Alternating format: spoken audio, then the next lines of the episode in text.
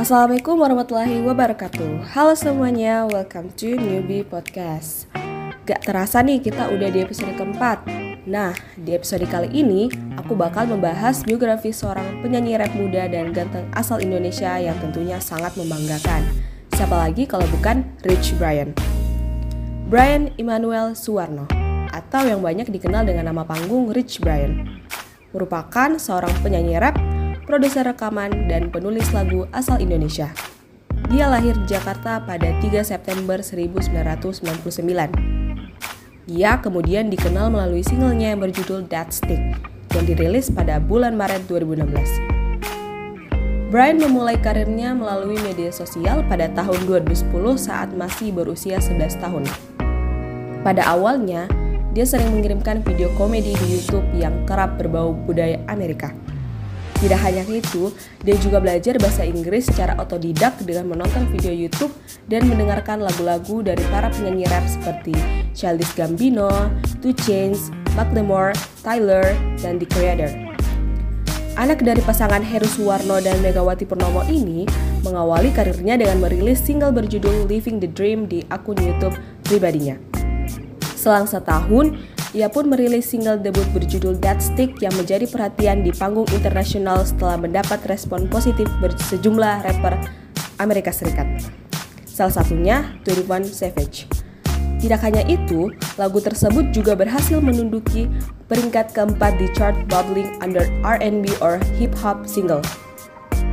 Gak hanya Brian Immanuel yang punya darah seni di keluarganya, ternyata kakak-kakaknya yaitu Sonia Erika dan Roy Leonard juga sama berbakatnya. Sonia Erika sudah lebih dulu masuk dalam dunia entertainment saat jadi artis cilik di sinetron berjudul Kepempong. Setelahnya, ia menekuni minatnya di bidang fashion dan menjadi fashion blogger. Bahkan kini sudah menjadi desainer profesional. Kakak kedua dari Brian yaitu Roy juga menekuni dunia yang hampir sama dengan adiknya yaitu musik. Roy Leonard adalah DJ kenamaan di ibu kota yang dikenal dengan nama panggung Roy CDC. Ketiganya menjadi sosok terkenal dengan cara yang berbeda. Namun, Brian tetap jadi golden boy-nya. Membuka lembaran tahun 2017, Brian menandatangani kontrak dengan 88 Rising sebagai label yang menaunginya dalam meracik album pertamanya yaitu Emin. Salah satu single paling populer adalah Glow Like That yang sampai detik ini telah ditonton sebanyak 74 juta kali di YouTube. Mungkin sekarang sudah bertambah, Tak main-main, 88 Rising jor-joran dalam mempromosikan album Emin yang berisikan 12 lagu.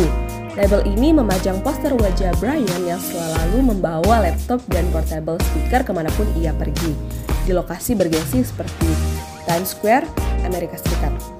Hal ini bikin Rich Brian semakin dikenal di skema industri musik Amerika.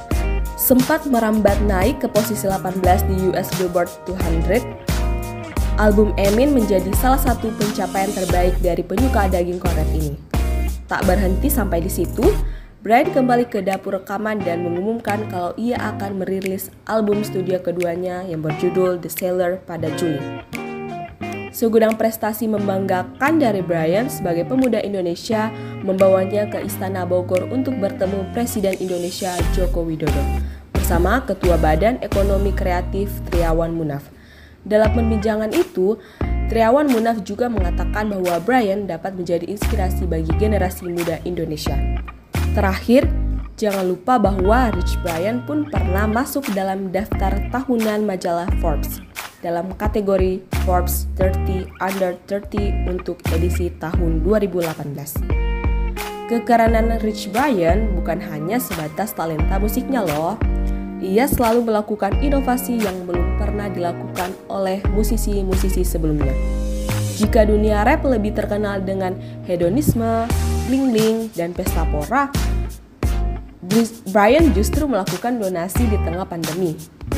Di video klip berjudul Bali yang ia produksi di tengah lockdown, ia mengirimkan barang-barang pada teman-teman terdekatnya. Mulai dari Nicky, Kodiko, Noel Miller, Thundercat, Guapdat 400, dan Kenny Bates.